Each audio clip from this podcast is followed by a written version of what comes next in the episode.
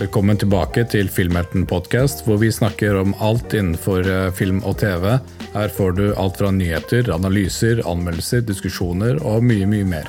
Og når muligheten byr seg, så må jo det inviteres over gjester i bransjen som kan snakke om alt av film og TV som inspirerer dem. Jeg heter Arman, og la oss starte med episode tre av Filmhelten podcast.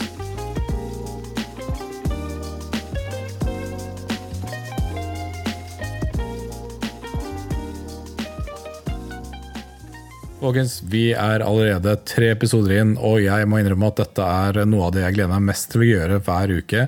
Å sitte her og snakke om det jeg brenner for med andre som også deler samme lidenskap, er bare helt fantastisk. Eh, fortsett å dele denne episoden, eller ikke bare episoden, men podkasten med venner og familie.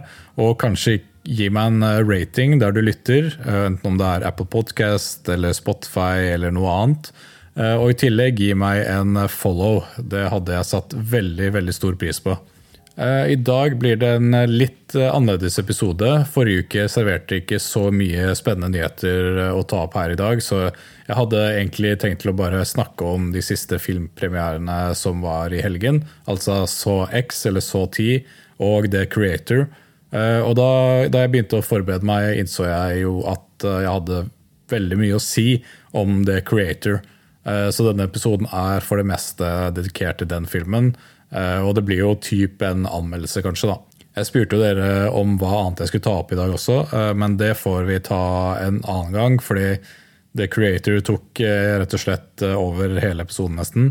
Blant annet nevnte noen av dere Star Wars-serien Azuka. Eh, men den har jeg dessverre ikke sett ennå, eh, så jeg vet, jeg vet det, er, kjempedårlig. Jeg ligger faktisk litt bak på nye serier, altså. Eh, men jeg skal catche opp på Asuka snart. Andre nevnte Expendables 4. Den snakka jeg om faktisk forrige episode, så sjekk gjerne ut det.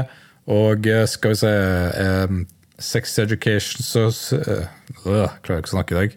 Sex Education sesong 4 Eh, den har jeg heller ikke sett ennå. Eh, noen andre nevnte mine topp ti. Da regner jeg med at eh, de mener topp ti noensinne. Det må jeg nesten dedikere en hel episode til, kanskje en bonusepisode. Jeg må i hvert fall tenke meg nøye gjennom hvilke filmer jeg legger på min topp ti. Det har jeg faktisk ikke Altså, jeg har, jeg har, en anelse om hva min topp ti er, men jeg må liksom bare sette meg ned og faktisk lage den topp ti-liste fullstendig. Eh, send gjerne inn flere forslag om temaer dere ønsker jeg skal eh, prate om. Jeg synes det er, jo, det er jo gøy at jeg kan inkludere dere, deres tanker her også, så følg med når jeg legger ut spørsmålsrunde på Instagram, Twitter og eh, Facebook. Og eh, om du lytter på Spotify, så kan du også legge inn forslag under episoden. La oss komme i gang med eh, hovedtemaet i dag, som er om The Creator. Let's go!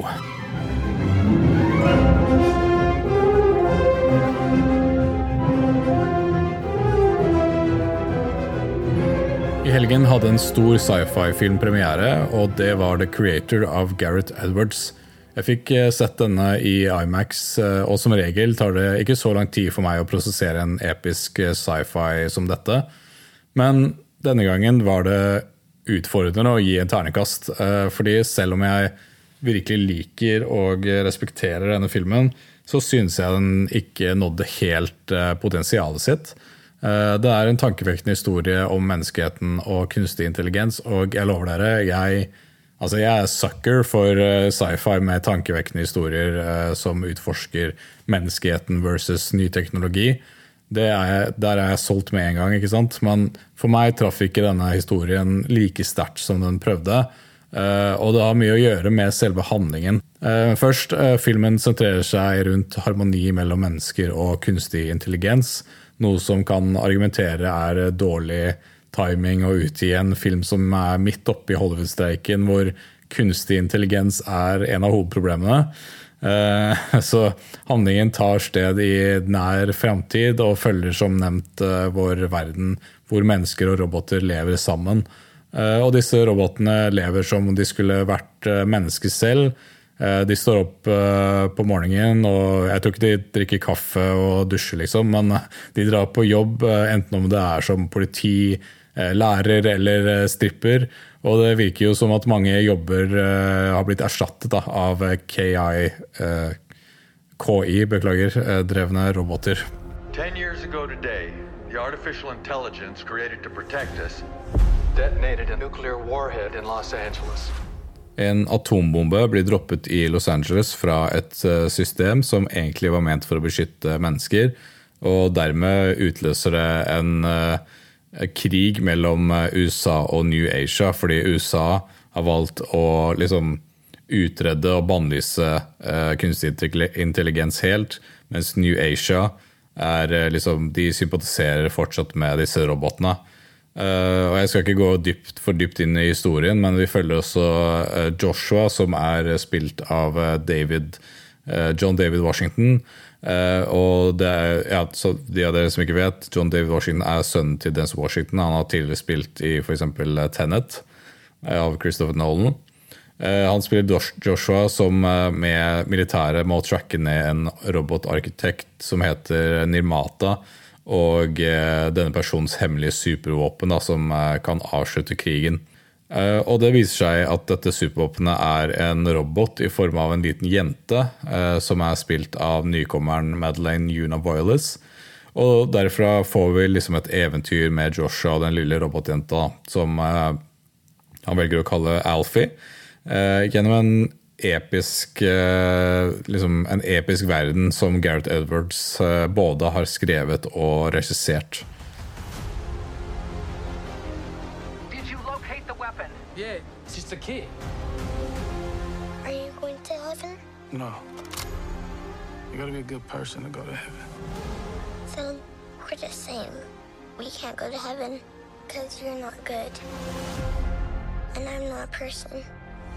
Men uh, før jeg gikk inn for å se denne filmen, så tenkte jeg at dette er jo et veldig kjent uh, konsept. Uh, og da jeg så den, så var det jo veldig kjent, kjente temaer som var med i denne filmen her.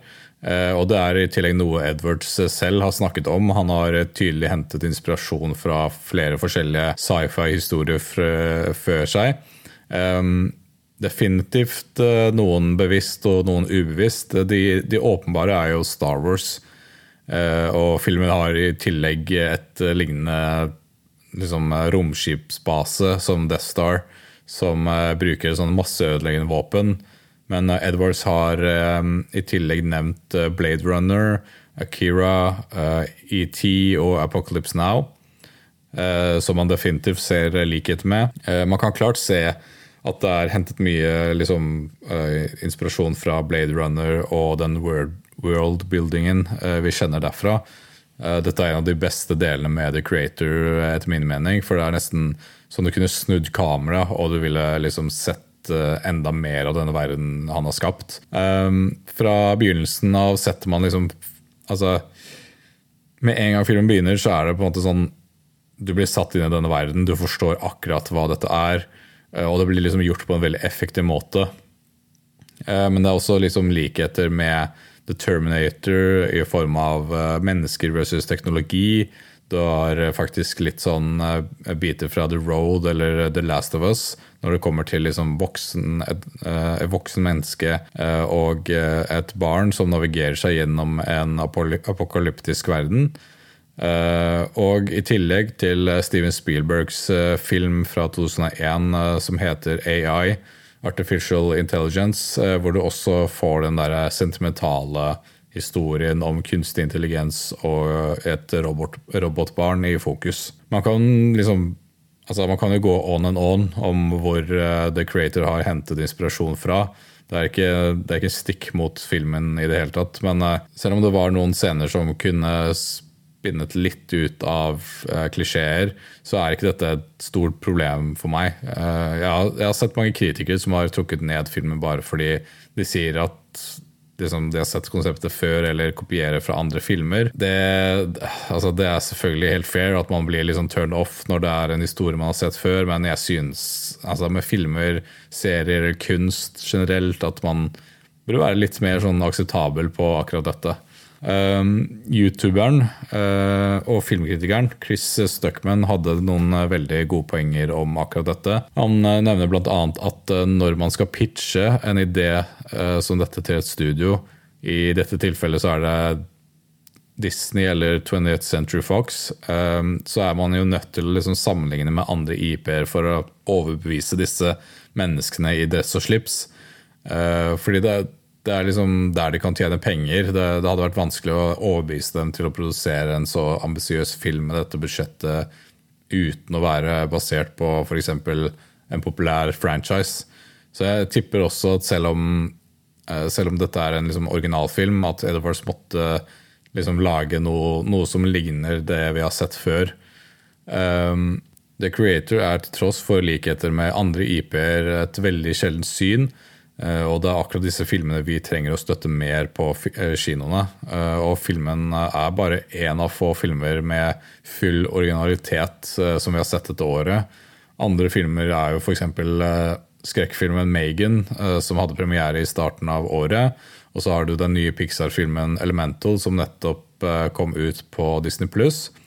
I tillegg har du dinosaurfilmen 65 med Adam Driver, som floppa veldig eh, på kino. Eh, tror jeg. Det, dere må rette meg der hvis jeg tar feil. Eh, av alle disse ligger Megan da på toppen, etterfulgt av Elemental, da, som eh, altså helt klart Jeg mener at Elemental burde jo helt klart vært på toppen, siden det er en eh, barnefilm. Uh, så, vi får eh, se hvordan det kommer til å gå med The Creator. Det er jo denne mange er, altså det er denne mange er veldig spente på og uh, vil tjene liksom penger nok. Uh, med tanke på at det er en såpass original sci-fi-film med et lite budsjett. Hva vil du ha, sweetie? For robots to be free.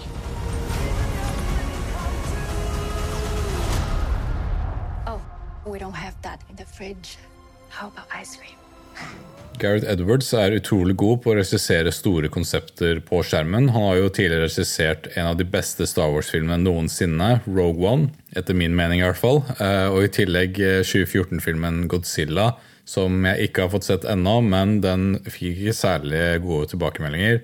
Uansett så er det helt klart at han har erfaring med å gi deg enorme romskip, bygninger, monstre, altså bare kaos på skjermen og det er vanskelig å få dette til å føles liksom stort ut eh, med et slikt format. Han, han, beviser jo ikke bare nok en gang her at han klarer dette med glans, men også liksom hvor mye av dette han klarer å levere på et budsjett som angivelig bare er 80 millioner dollar. Eh, det høres jo mye ut når jeg sier det sånn, men sammenlignet med dagens budsjettstandard for storfilmer er dette imponerende lavt. Eh, spesielt med tanke på hvor knallgode digitale effekter filmen har. Uh, hadde du satt Antman, Quantumania og The Creator ved siden av hverandre uh, Forresten, om du ikke har sett Antman, Quantumania, så gikk du, du gikk ikke glipp av en dritt. så det, det, var en forferdelig eh, MCU-film, herregud. men hvis du hadde satt denne filmen, altså Antman 2, ved siden av The Creator så, altså, Da hadde The Creator sett mye dyrere ut. Okay? Og Antman 2 hadde et budsjett på ca. 200 millioner dollar. Eh, I tillegg har du f.eks. Indiana Jones 5, som hadde premiere før sommeren eh, og var på budsjett rundt 300 millioner dollar. Og det er bare helt sykt for å være Indiana-film. ikke Den, den, burde jo virkelig ikke kosta så mye. Så poenget mitt er jo derfor burde jo The Creator være et godt eksempel på hva man kan få til med et eh, mye lavere budsjett.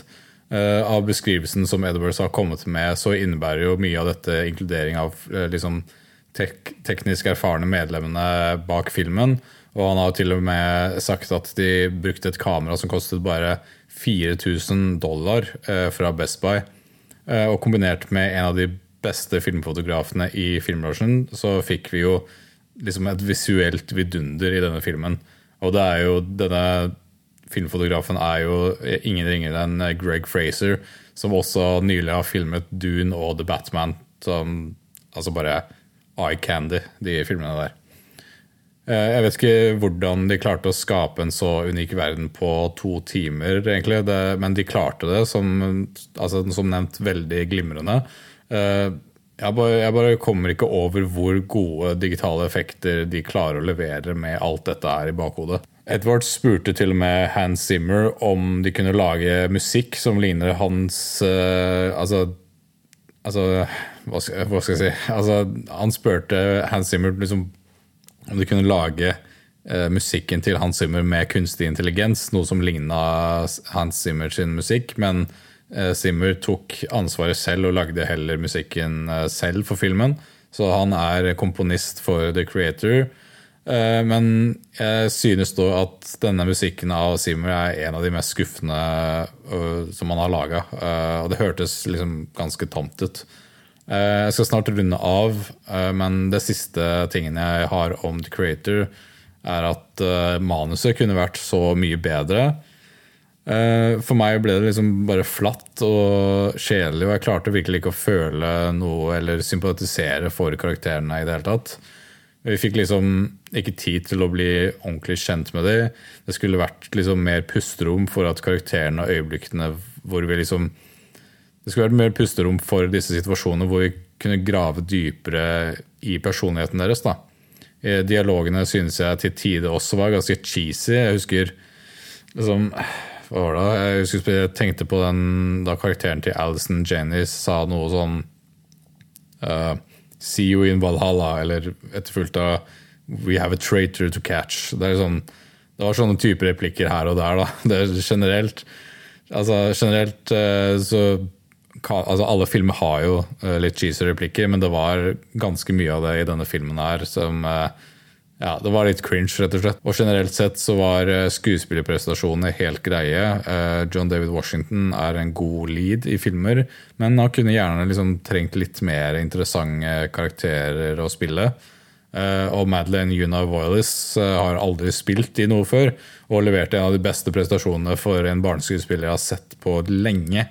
Det var faktisk imponerende å se. Jeg kunne snakket lenge om denne filmen og grave dypere i konseptet, men jeg anbefaler å bare dra på kino og sjekke ut denne her uansett. Eh, jeg syns den er helt grei. Den er ikke like bra som veldig mange får det til å høres ut, og den er ikke like dårlig som andre får det til å høres ut. Jeg syns den er liksom helt grei. Det er en ternekast fire for meg.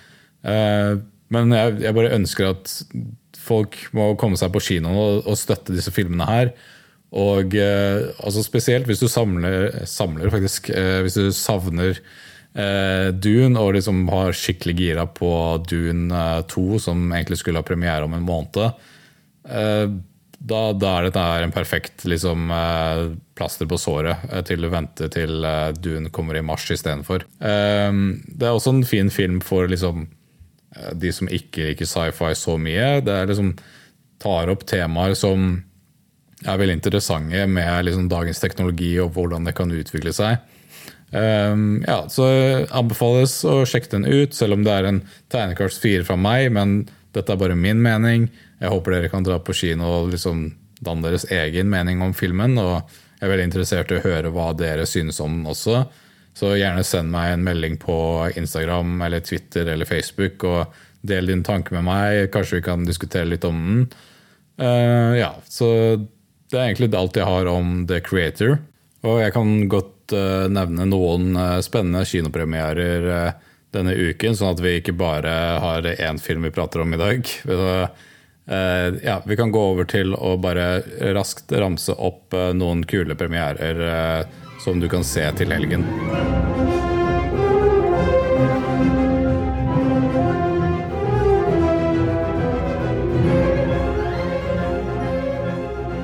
På fredag så kan du glede deg til eh, hele tre eh, spennende filmer som kommer på kino. Eh, den ene er Sulis 1907, som er en norsk storfilm som har vært etterlengtet i år. Vi har blant andre Otto Falgren, Simon J. Berger, som dere kanskje kjenner igjen fra Exit, og Alexandra Gjerpen og flere dyktige skuespillere som er med her. Det er en film regissert av Nils Gaup som har tidligere regissert eh, Veiviseren, Kautokeino-opprøret og Birkebeinerne. I tillegg har vi The Exorcist Believer, som er en oppfølger av uh, originalen The Exorcist.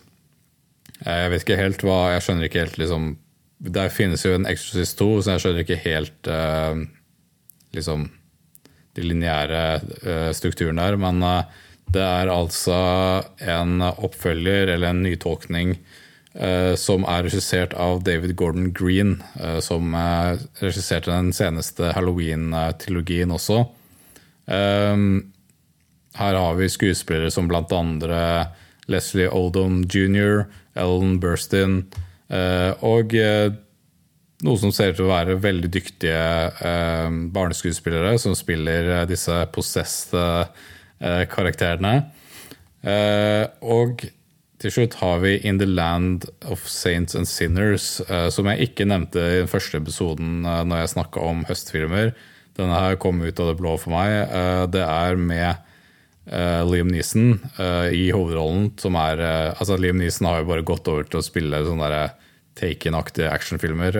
og det er, det er, sikkert det han trives med, det er jævlig kult, men det, det, dette er den seneste filmen han har spilt i nå, da, 'The Land of Saints and Sinners'. Og det er også med han som spilte King Joffrey i Game of Thrones, som jeg dessverre ikke husker navnet på helt. Skal vi se, hva er navnet hans?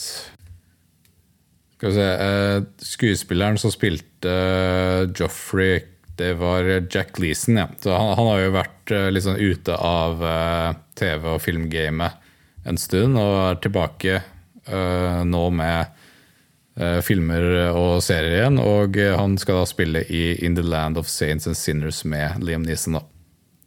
Ellers så ser det ikke ut som det kommer noen nye serier og filmer eh, på, etterpå streaming. Så det er eh, egentlig alt jeg har for dere i dag. Gå og sjekk ut The Creator, og sjekk ut disse tre filmene jeg ramset opp som har premiere denne helgen. jeg skal prøve å liksom fast legge ut på torsdager. Det, det virker som det var det de fleste ville ha. Og så har jeg veldig lyst til å lage disse bonusepisodene. Det, det, kommer etter hvert. Jeg håper dere gleder dere til det. Det er kanskje Altså, i oktober så passer det jo veldig med sånn horrortema.